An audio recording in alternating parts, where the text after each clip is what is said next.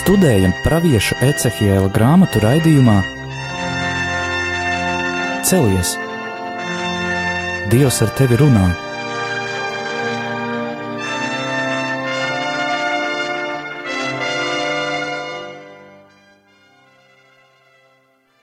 Slavēts Jēzus Kristus, mūžīgi mūžos slavēts, studijā ir Stela. un Anģela. Kā šodien turpināsim pētīt Brābēša Ecehela grāmatu, iesim solīt pa solīšam tālāk, kaut gan iespējams, ka šajā gadā mēs visu nepaspēsim izpētīt, taču Dievam laika ir daudz, viņam pieder visa mūžība, un arī nākamā sezona būs. Bet pagājušā reizē mēs lasījām Ecehela grāmatas 13. nodaļu, un iedziļinājāmies tādā parādībā kā viltus pravieši, un redzējām, kāda ir viņa darbība, ka viņi ir gan vīriešu kārtas, gan sieviešu kārtas, un kāda atbildība ir viņiem dieva priekšā par cilvēku, var teikt, bojā eju, par viņu iznīcināšanu. 14. nodaļu mēs skārām tikai nedaudz, jo tā ir samērā līdzīga. Tur ir runa par dieva spriedumu elku kalpiem un izpostīšanas neizbēgamību, bet ir arī neliels tāds īsts teikums ar solījumu, jo visu laiku šai grāmatai cauri aužas arī tas, ka Dievs eh, pieļauj šo sodu, jo man nepatīk teikt, ka Dievs soda. Drīzāk viņš ļauj ciest cilvēkam tās darbības, sekas, par kuru Dievs ir brīdinājis, nedari to, būs slikti, jo Dieva apredzībā ir labāk redzams, kas cilvēkam ir labs un kas ļauns, bet tiklīdz viņš pats sāk to noteikt, tad ir slikti. Līdz ar to var redzēt no visām praviešu grāmatām arī jaunajā derībā, ka Dievs brīdinot cilvēku, runājot ar viņu, ir absolūti godīgs.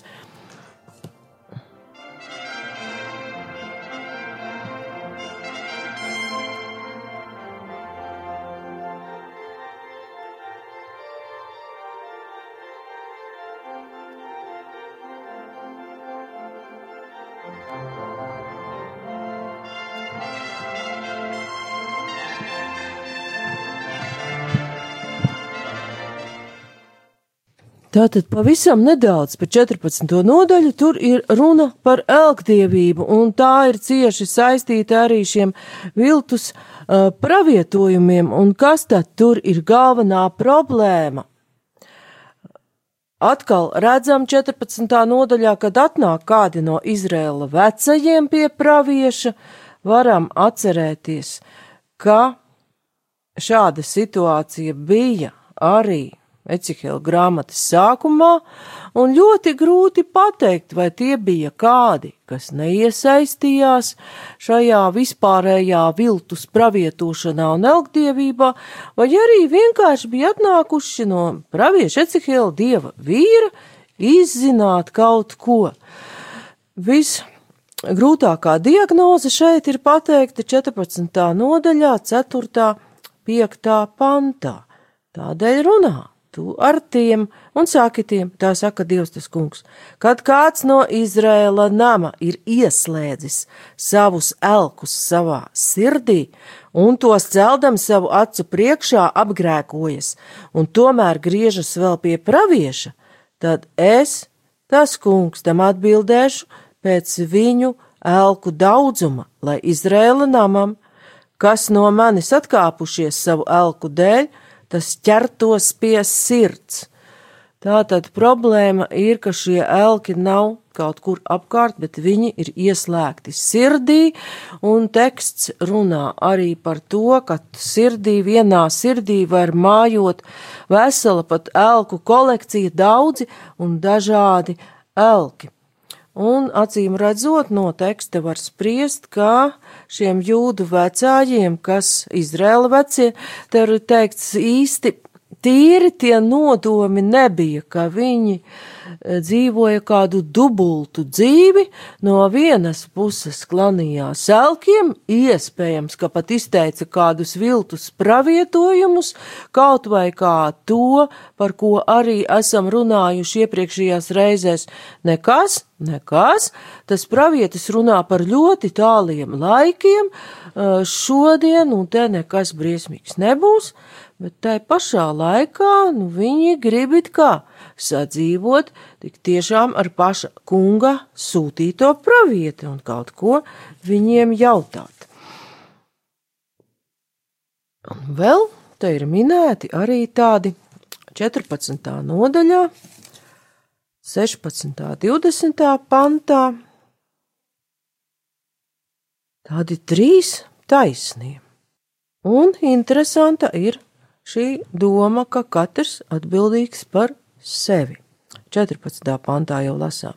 Un ja šie trīs vīri, Noā, Daniels un Ījaps, atrastos viņa vidū, tad tie izglābtu sava taisnīguma dēļ vienīgi savas dvēseles, saka tas kungs. 20. pantā viņš atkārto šos vārdus, un Noā, Daniels un Ījaps atrastos viņa vidū, Tie tik tiešām, kā es dzīvoju, saka Dievs tas kungs, tie neizglābtu ne dēlus, ne meitas, bet izglābtu ar savu taisnīgumu tikai paši savas dvēseles. Un tas vecajai derībai ir diezgan pat neparasti, jo ļoti daudz, kur mēs redzam, ka ir uzsvērta eh, kolektīvā atbildība, ir kāda viena cilvēka nodarījums, bet cieš visa cilvēku kopiena. Jo pat, kad visa tauta neiegāja apsolītajā zemē, Nu, grūti domāt, ka visi cilvēki neusticējās dievam, bet to dažu dēļ, kas tomēr nespēja paļauties uz dievu apsolījumu, laiks palika stipri garš līdz ieiešanai apsolītajā zemē. Bet šeit Ecihēls uzsver cilvēka paša atbildību dieva priekšā, ka ar savu taisnīgumu dieva priekšā viņš nevar izglābt citu cilvēku. Bet tajā pašā laikā atcerēsimies, kad ko gan viņš var, un kaut vai tas pats Daniels, viņš runāja uz ķēniņu, viņš runāja viņam vārdus, kurus Dievs bija līdz sirdī, un arī pravietis Ecihēls visu laiku runā, ko Dievs viņam pavēl runāt, brīdina savus līdzcilvēkus un arī ar zīmēm rāda, kas var notikt un kas viņiem jādara, lai viņi neciestu Dieva bardzību, savas rīcības sekas. Bet tagad jau pāriesim pie 15. nodaļas.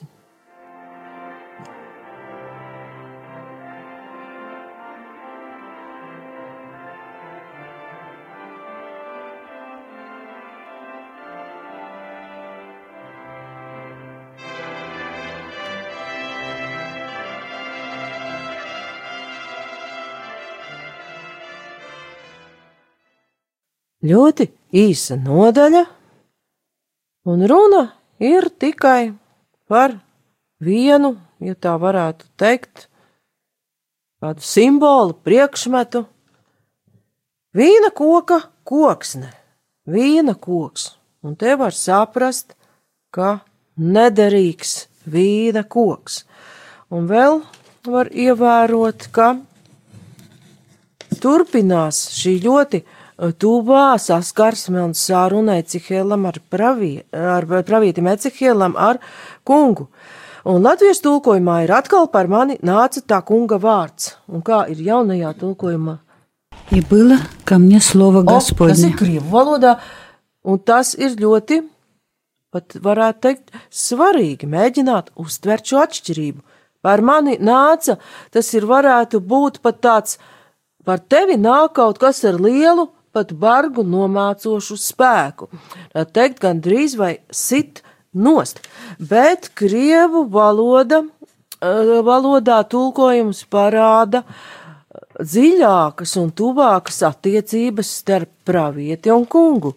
Kamņēl bil, vārds bija pie manis. Tā kunga vārds visu laiku ir līdzās, klāt pravietim. Var teikt pat tā, ka viņš dzīvo kopā ar šo vārdu. Un no jaunās derības skatu punkta mēs varam saprast jau, ka pravietis jau jūt un izprot vārda, mūžīgā vārda Jēzus Kristus klātbūtni, kaut viņš vēl miesā nav atklājies, bet pravietis jau viņu pazīst un zina. Vārds vienmēr ir viņam klāt. Māca viņu, ko teikt, un dod viņam šos iedvesmu un pavēli, ko un kā runāt. Un šeit vārds runā par nederīgu vīna koku, vīna koku stīgu, kas atrodas meža koku starpā. Vai tā ir pārāka? Un vīn, vīna koks, vīnogu ķekars bija Izraēļa simbols, un vīna koka simbolu mēs atrodam arī citā kontekstā. Šeit mēs redzam 15. nodaļa ļoti īsa, bet viss īsais fragments svēto rakstu runā par nederīgu vīna koku, kas nodots jau sadedzināšanai. Tā tad ir norāde uz šo iekarotāju nākšanu, uz pilsētas degšanu, uz milzīgu postu. Un kur tad ir tā problēma, ja mēs to savienojam jau ar jauno derību? Kas tad ir to vīna koku?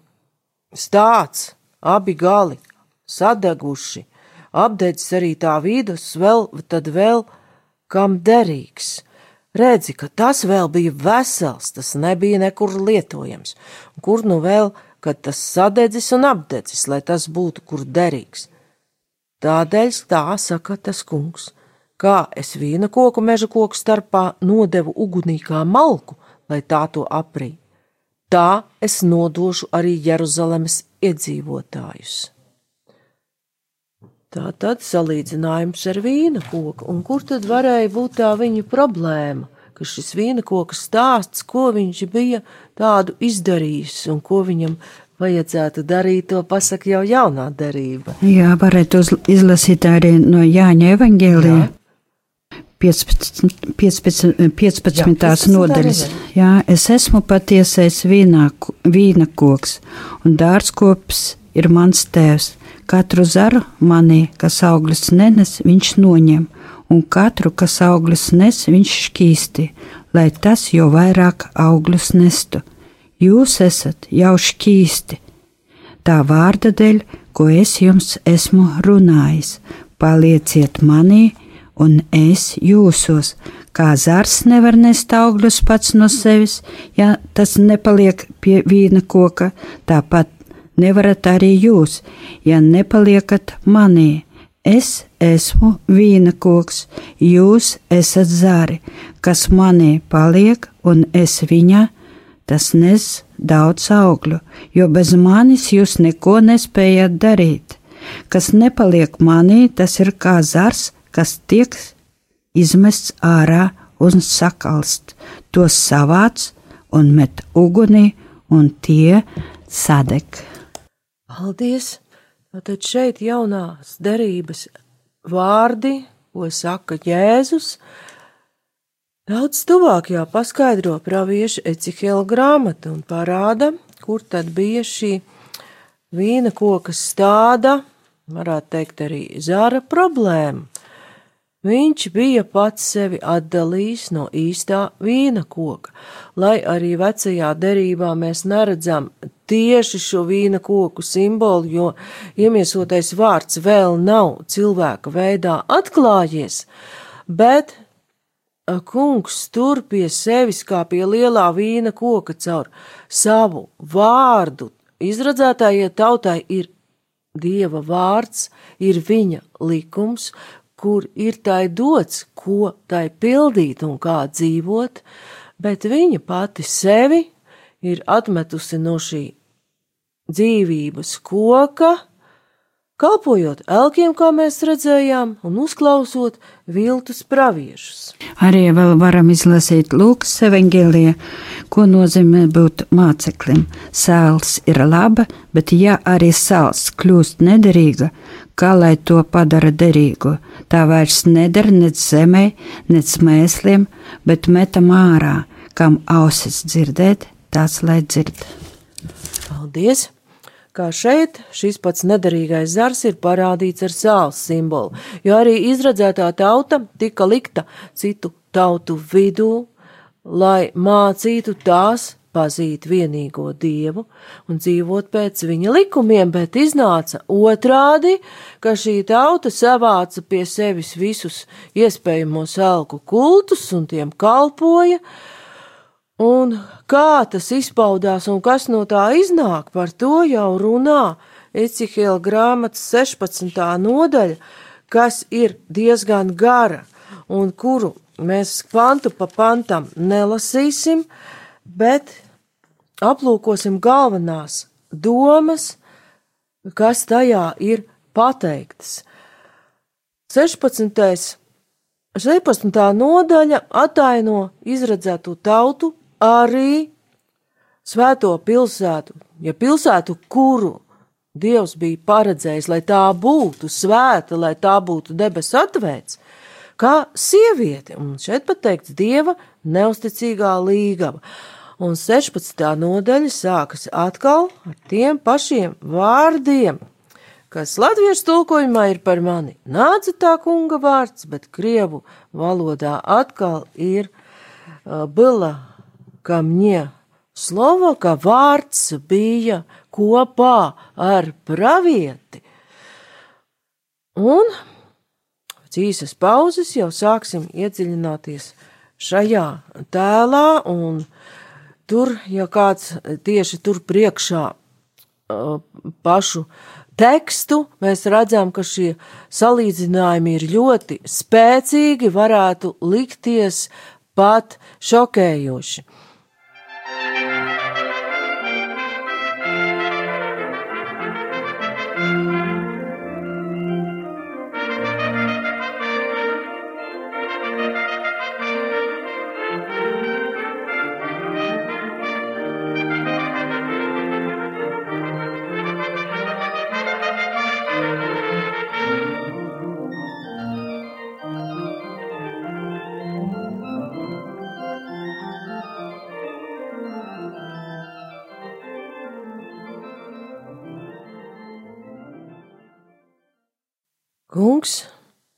Aicina pravieti runāt uz saviem trimdes biedriem, un viņš saka, cilvēka bērns atgādina Jeruzalemei tās negantības un saka, tā saka tas kungs, dievs Jeruzalemei, un tālāk jau seko tāds simbolisks pārstāsts, kurā mēs varam atrast, uh, pat visu izradzētās tautas vēsturi, un tur viņa ir atainota kā sieviete, sākumā ir kā bērns, vēlāk jau viņa pieaug, kļūst ļoti skaista un iedomīga uz skaistumu, un tālāk jau tālākos pantos redzam, ka Šī sieviete palaižas netiklībā, un jaunajā tulkojumā latviešu valodā ir lietots pat daudz spēcīgāks vārds, kas varbūt daudziem klausītājiem pat grieztu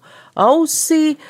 Nu, īsi pasakot, turpat ir lietots vārds mauka, bet, nu, drīzāk, teiksim, izlaidīga sieviete netikle arī tas pilnībā raksturo, kāda kļūst izredzētā tauta citu tautu vidū, un krieviski ir bluģņica, tā varētu teikt, un kā to mēs varētu precīzāk saprast. Arī tāda, jā, tāda Kura nav uzticīga. Nav neusticīga, jā, jo šeit jau arī ir runa tieši par to, ka tauta nav uzticīga kungam, savam dievam, kas viņu ir izglābis daudzas reizes no daudzām briesmām.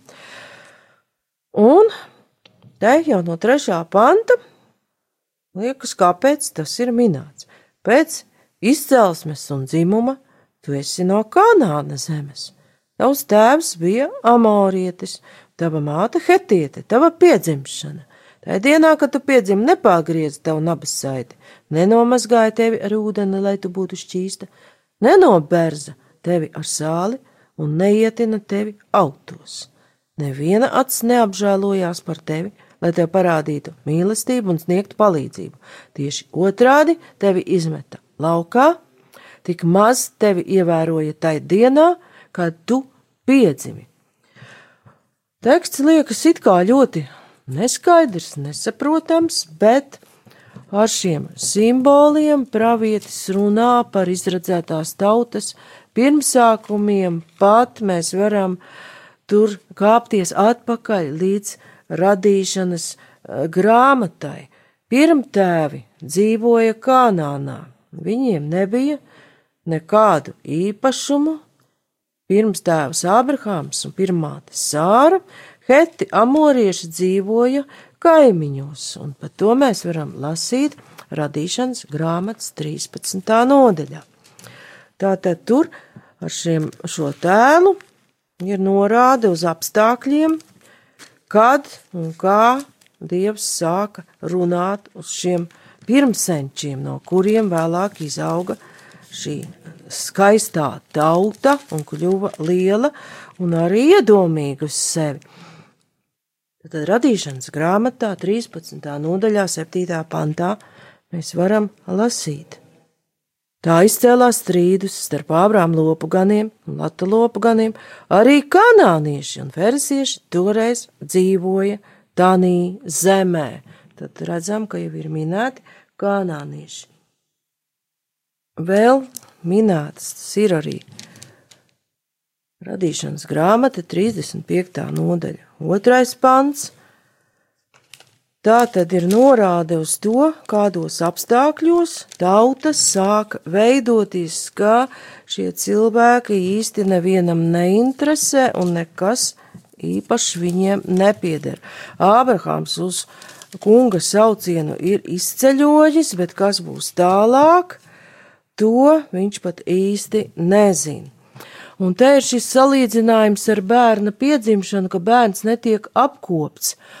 Un kāpēc tas salīdzinājums ir tieši tā?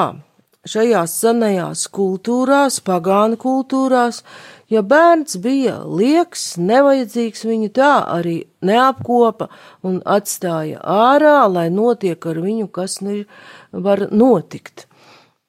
Vēl varam jau saskatīt arī paralēli ar to, ka tad, kad tauta jau sāka pieaugt un bija Ēģiptē, Nu, faraonu tā tautas vairošanās sāka kaitināt, un viņš sāka no tās tautas baidīties, un lika šīm izradzētās tautas sievietēm, vecmātēm, nu, tos bērnus, pat uh, puikas nonāvēt, bet viņas to nedarīja. Nomazgāt ar ūdeni, ieziest ar eļļu, tas attiecās, ka tas nav darīts, tas attiecas uz labu jaundzimušā apkopšanu. Un Sestā pantā jau lasām par kunga klātbūtni. Es gāju toreiz tev garām, un redzēju tevi atstātu tavās asinīs, ja projamies, un tev teicu, tev būs dzīvot. Tiešām es teicu tev tavās asinīs, tev būs dzīvot. Audz un pieaudz ar laiku skaitā, kā zāļu stiebri tīrumā. Es arī gribu izlasīt tieši uz sesto pantu, ko mēs tagad izlasījām no Jāņa evaņģēlija piektās nodaļas. Patiesi, patiesi es jums saku, kas manus vārdus dzird un tic viņam, kas man ir sūtījis, tam ir mūžīga dzīvība, un tas nenāk tiesā, bet no nāves ir pārgājis dzīvībā. Patiesi, patiesi es jums saku, nāk stunda, un tā ir jau tagad, kad mirušie dzirdēs dieva dēla balsi, un tie, kas būs dzirdējuši, dzīvos. Paldies! Un tas fragments, ko izlasīja Anģela, jau runā par vēl cita veida piedzimšanu, jo arī fiziski mēs piedzimstam vai arī sākam kādu garīgo ceļu, bet šis izlasītais fragments par šo jauno dzīvību sasaucas ar to, kas ir Ecihila grāmatas 16. nodaļas 9. pantā, ka tur tas ir attiecināts uz izredzēto tautu, ka Dievs viņu paceļ un, teikt, apkopi pēc piedzimšanas, bet mēs tur varam vēl kaut ko ieraudzīt. Tad es tevi, tur Dievs runāja, ja? tad es tevi nomazgāju ar ūdeni, noskaloju tavus asins no tevis un svaidīju tevi ar eļļu, nomazgāju ar ūdeni. Ko mums tas jau atgādina? Tur jau var uh, redzēt pēc kristības sakramenta tādu ieskaņu, nomazgāt ar ūdeni, svaidīt ar eļļu. Jaunajā derībā un baznīcas tradīcijā šī svaidīšana ar eļļu jau nozīmē iestiprināšanas sakramentu. Tā tad pilna uh, piedzimšana, kad cilvēks saņem visas dieva dāvanas, lai viņš dzīvotu gan miesā un garā. Uh, Un Ecikēls šeit runā par attiecībā uz veselu tautu. Un arī vēl var izlasīt no Lūkas evaņģēlija līdzību par pazudušo dēlu, kad tēvs viņu satiek, kad viņš, kad dēls atgriežas pie sava dēla, o tēva, dēls viņam sacīja, tēvs, es esmu apgrēkojies pret debesīm un pret tevi. Es neesmu vairs cienīgs saukties par tavu dēlu bet Tevs teica saviem kalpiem: ātri atnesiet vislabāko tērpu un apģērbiet viņu un velciet viņam pirkstā gredzenu un apavus kājās. Paldies! Un te ir interesanti tas, ka ar šo pazudušā dēla līdzību ir pateikts pat tas pats, kas Ecihela grāmatā cauc šo sievietes tēlu. Tur tas ir vīrietis, dēls, kas ir aizklīdis kaut kur prom, arī biedrojies un brāļojies, sazina, ar ko dzīvojas netiklībā un saprot, ka viņam ir jāgriežas atpakaļ. Un, ja mēs lasīsim visu Ecihela grāmatu jau nākamajā reizē, šo 16. nodaļu tālāk, mēs redzēsim, ka kungs vēlas, lai arī šī Neusticīgā Jeruzalem, šī neusticīgā tauta, atainot ar sievietes, līgavas, paklīdušas vēlāk jau sievas simbolu, ka viņš gaida to atgriežamies mājās. Bet kādas tur bija šīs sievietes kļūdas un grēki, un kā viņai nākt mājās, par to jau mēs runāsim nākamajā reizē. Paldies par uzmanību! Studijā bija Stela un Anģela.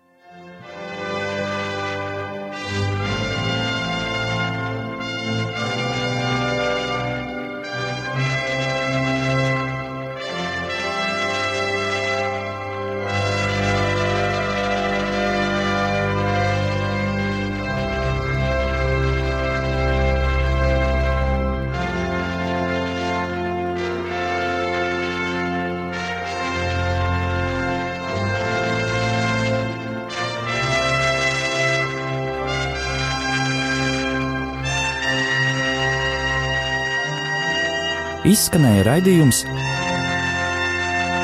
Celies! Dievs ar tevi runā!